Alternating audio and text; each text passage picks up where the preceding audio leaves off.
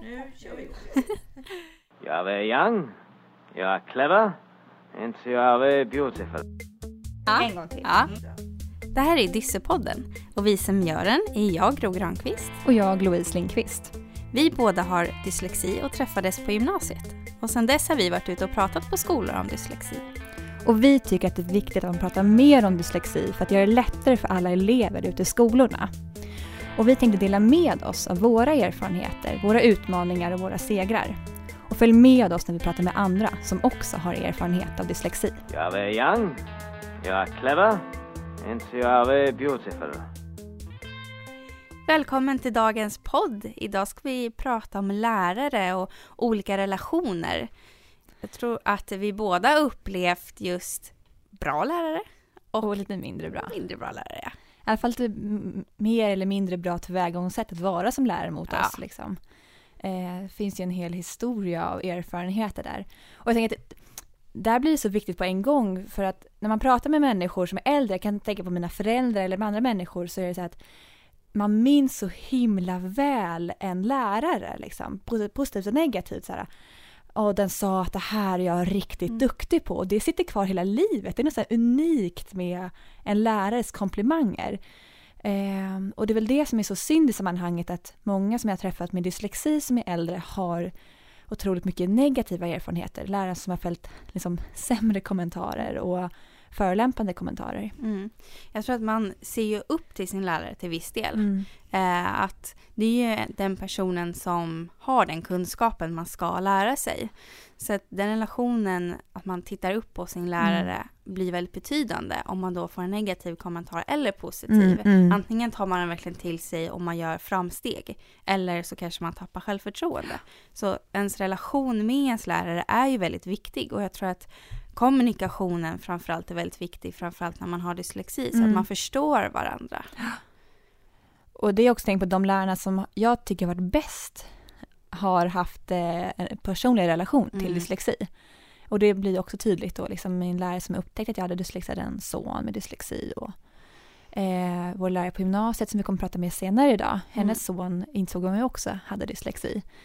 Och det är nog de två bästa lärarna jag har haft. Liksom. Ja, men verkligen. Jag känner igen mig där. Min lärare, som min SO-lärare jag hade i grundskolan, som, som verkligen trodde på mig, som jag kommer minnas resten av mm. livet. Han mm. fick jag ju reda på att han hade dyslexi ja. på min skolavslutning i nian. Ja.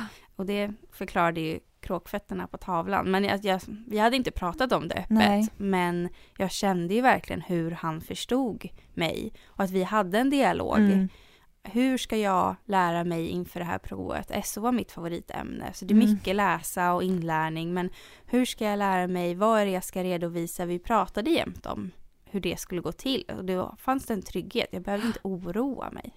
Ja, det blir som mer nära när man märker att de har en personlig relation. Det är som att de lärarna som hade egna barn, mm. det var så att de, de, de tyckte såklart om så himla mycket sina barn och trodde på dem och ville att, de skulle, att det skulle bra för dem. Och mm. någonstans smittade det till relationen till mig, eller till oss andra som är dyslexi.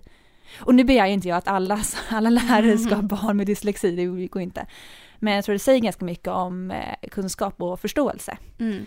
Och framförallt så tror jag att man måste våga sprida den kunskapen i sitt, på skolan. Mm. För det är som du säger, alla kan inte ha barn med dyslexi, Nej. men man kan sprida den kunskapen man har. Och även de som har lärt sig från ett annat håll måste kunna sprida det så att vi lär oss av ja. varandra. För det finns, ja, vi möter flera lärare som har kommit på så bra tips och mm. knep och de har en bra dialog. Men sen så finns det en annan lärare på samma skola som inte alls har förstått vad det här handlar om. Nej. Att det kan vara så individuellt är lite skrämmande. Mm. Men då förstår man verkligen hur samarbetet är viktigt på en skola. Att man har en öppen dialog för hur man lär ut, vilka pedagogiker som funkar. Inte sitta på guldkornen själv. Och det tänker jag också, det handlar dels om arbetsmetoder men också bara veta om vilka elever som har dyslexi. Mm. För jag tycker också det är tydligt att, att det inte alltid finns en kommunikation mellan olika lärare. Mm. Man kan, jag har frågat lärare rakt ut, så här, vet du vilka elever i din klass som har dyslexi? Mm. Och det är inte alla, alltså om en NO-lärare kanske som inte har det som sin egen klass, de vet inte. Och den, alltså den kommunikationen måste gå ut, att alla lärare vet om det och att det måste finnas en dialog. Verkligen. Och att man, ja, men att man delar med sig och frågar eleverna. Jag tror att liksom, ni som är där ute är ju experterna på mm. ert eget mm. lärande. Ni vet ju vad ni behöver eller vill i alla fall vara med i dialogen om ni inte har hittat det rätta hjälpmedlet eller mm. hur ni ska göra. Det är också lätt att prata över eleverna och inte med dem. Nej. Att man verkligen får den här, men vad vill du? För att experterna, det är ju ni som går i skolan. Precis, precis. Jag måste ändå fråga dig, har mm. du något sånt där minne som du eh, apropå det här med en lärare som höjer upp, har du nämnt med din SO-lärare, men mm. någonting tvärtom, kan du minnas något som... Något riktigt så här botten. Oh, ja, bottennapp. ja, um, alltså delvis så är det ju den läraren som jag hade från ettan i fyran, alltså ettan till mm, fyran, mm, mm. de årskurserna, som inte upptäckte att jag hade dyslexi. Jag tror att den var ganska solklar för jag har ändå relativt ja. grav dyslexi.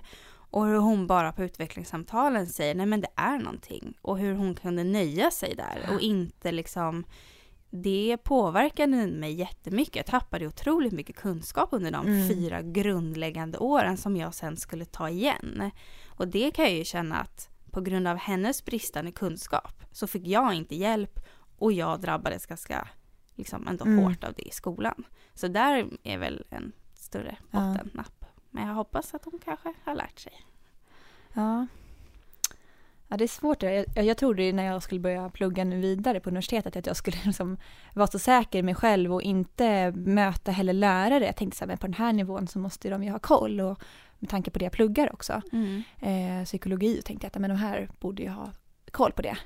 Och sen så träffar jag ändå liksom lärare som fäller så olämpliga kommentarer och eh, jag kommer ihåg första dagen på hela utbildningen så bad jag om att jag skulle, för vi fick artiklar som vi skulle läsa mm. och de var jätteknepiga, det var i pappersformat, var mm. jätteslarvigt kopierat och då sa jag så här, men finns det här in, alltså på en pdf-fil eller någonting så jag kan lyssna med min talsyntes, jag måste på något annat sätt.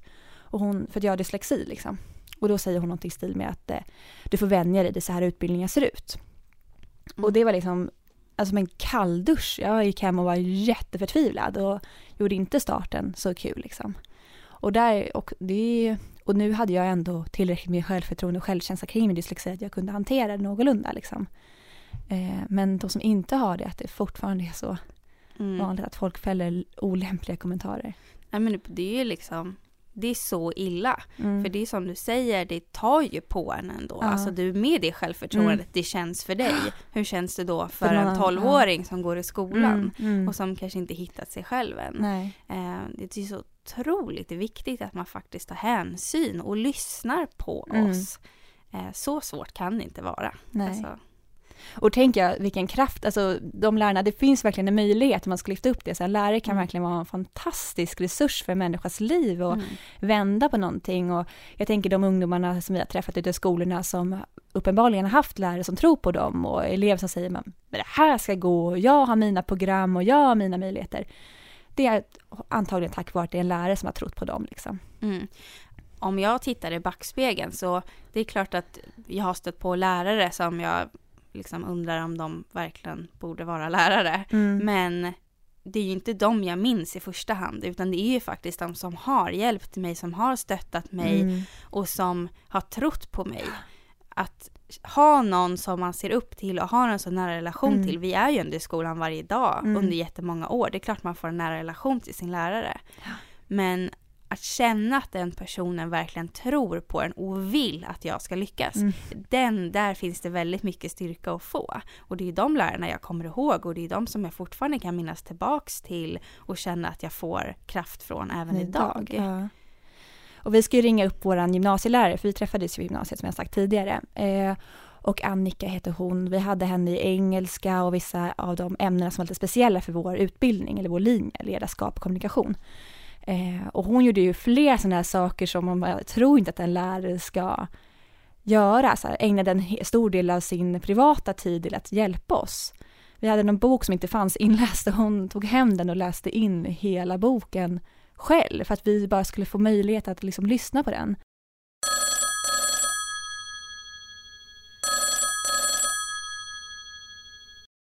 Ja. Hej Annika! Hallå! Hallå! Jag går här och städar lite. Ja, vad härligt! och du multitaskar Annika?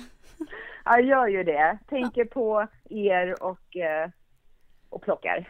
Var har du fått kunskapen om dyslexi ifrån? Alltså vart har du lärt dig och hur visste du vad du skulle göra? Um, ja, jag kan ju inte säga eh, att, att det fanns i min utbildning så, eh, utan eh, det är ju mer att det är ju någonting som vi, jag under åren mötte mer och mer och fick mer och mer förståelse för. Och, och då funkar ju jag så att att jag, ja, men jag har ju lite, personligen har jag lite tävlingsmänniska i mig, så jag vill ju vara bäst. då, då triggas jag igång av att ja, men det här måste jag ta reda på mer om. Eh, sen har vi ju haft utbildningar på skolan också. Eh, inte mycket, men, men, men en del. Eh, men ni var på något vis ändå ögonöppnare för oss. För vi, vi var ju också vi var ju en nystartad skola, eh, hade hållit på i några år. Vi var precis i det skedet där vi började och liksom ha tid att kvalitetsutveckla, att vända och vrida på hur vi gjorde. I början var det bara att nu gör vi. Mm. Liksom. Um, och sen så, uh, ja, jag tycker ju att det är um, det är lite lite fokus på de här frågorna. Jag hoppas att det är mer fokus på dem i, i grundskolan. Det borde mm. vara det, det måste vara det. Um, därför att uh, uh, idag så känns det som att de elever vi får i gymnasieskolan hos oss eh, är mer medvetna. Eh, de har hittat strategier, de har fått hjälp i tidig ålder att eh, ehm, hantera och vi använder oss av metoder som, eh, ja, men som de är vana vid och som de eh, som hjälper alla. Liksom, inte bara elever med läs och skrivsvårigheter. Eh, men jag, jag märker ändå att det finns brister och då kan jag bli jättearg. Mm. Jag kan få elever till gymnasieskolan och jag ser numera, jag kan ju se på deras texter, oj då, jaha, mm. Mm och ser klassiska liksom, ja, eh, meningsbyggnader och, och, och man kastar om bokstäver och så. Och då brukar jag ju ta ett samtal kring hur, hur jobbigt tycker du att det är och hur går det att läsa och hur mycket kämpar du? Och ofta är det här elever som kämpar och kämpar och kämpar. Vad har du insett att det är det viktigaste när du jobbar med elever med dyslexi? Vad är det liksom, bästa sättet att jobba med? Um, alltså, jag tror att det uh, den största lärdomen jag har gjort det är att uh, de, just det här att de metoder som hjälper elever med, med dyslexi hjälper alla elever. Det är alltid det är bra metoder för alla.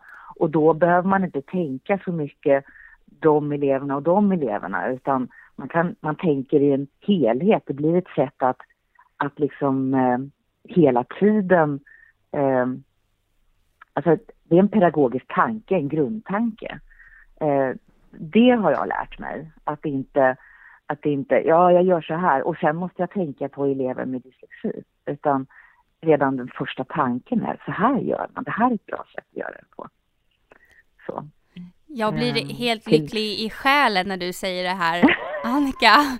För det är ju det är någonting som vi också upplevt är bland det viktigaste. Att det är bättre bara inkludera, utgå från kanske en dyslektiker och inkludera alla, för det funkar ju ofta. Det är ingenting som blir negativt för någon annan att lyssna på en text och sådär.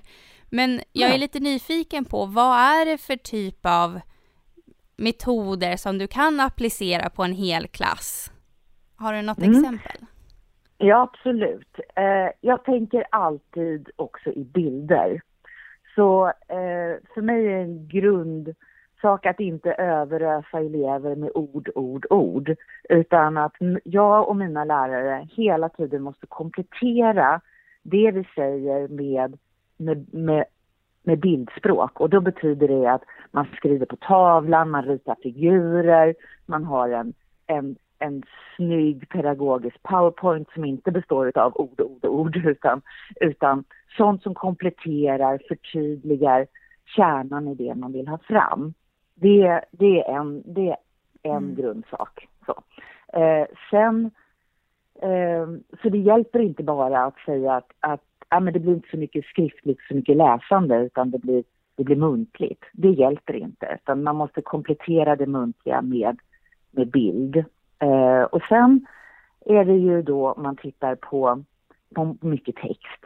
Eh, det är klart att elever ska träna sig att, att kunna hantera mycket text i gymnasieskolan, för vi förbereder dem för, för hög, högskola.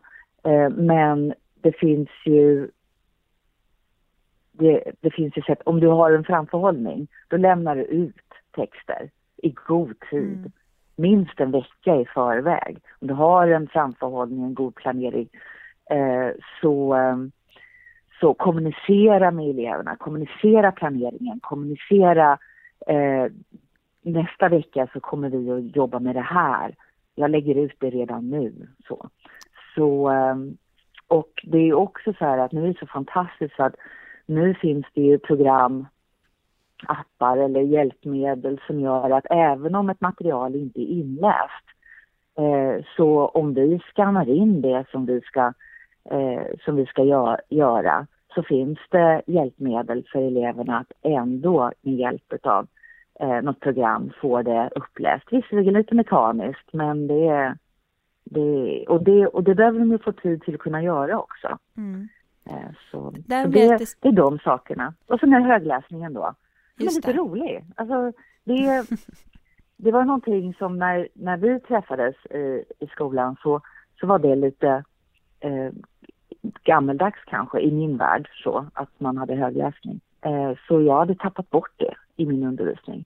Det har jag lagt till eh, ganska mycket nu och då är den högläsningen frivillig. Det kan finnas elever som vill läsa högt men eller så gör jag det, men det, då gör vi alltid så att vi, antingen de som vill lyssna när jag läser, stannar kvar, då behöver man ju ha lokaler så att man kan röra sig, att man har flera rum. Mm, mm. Eller att man går undan. Så.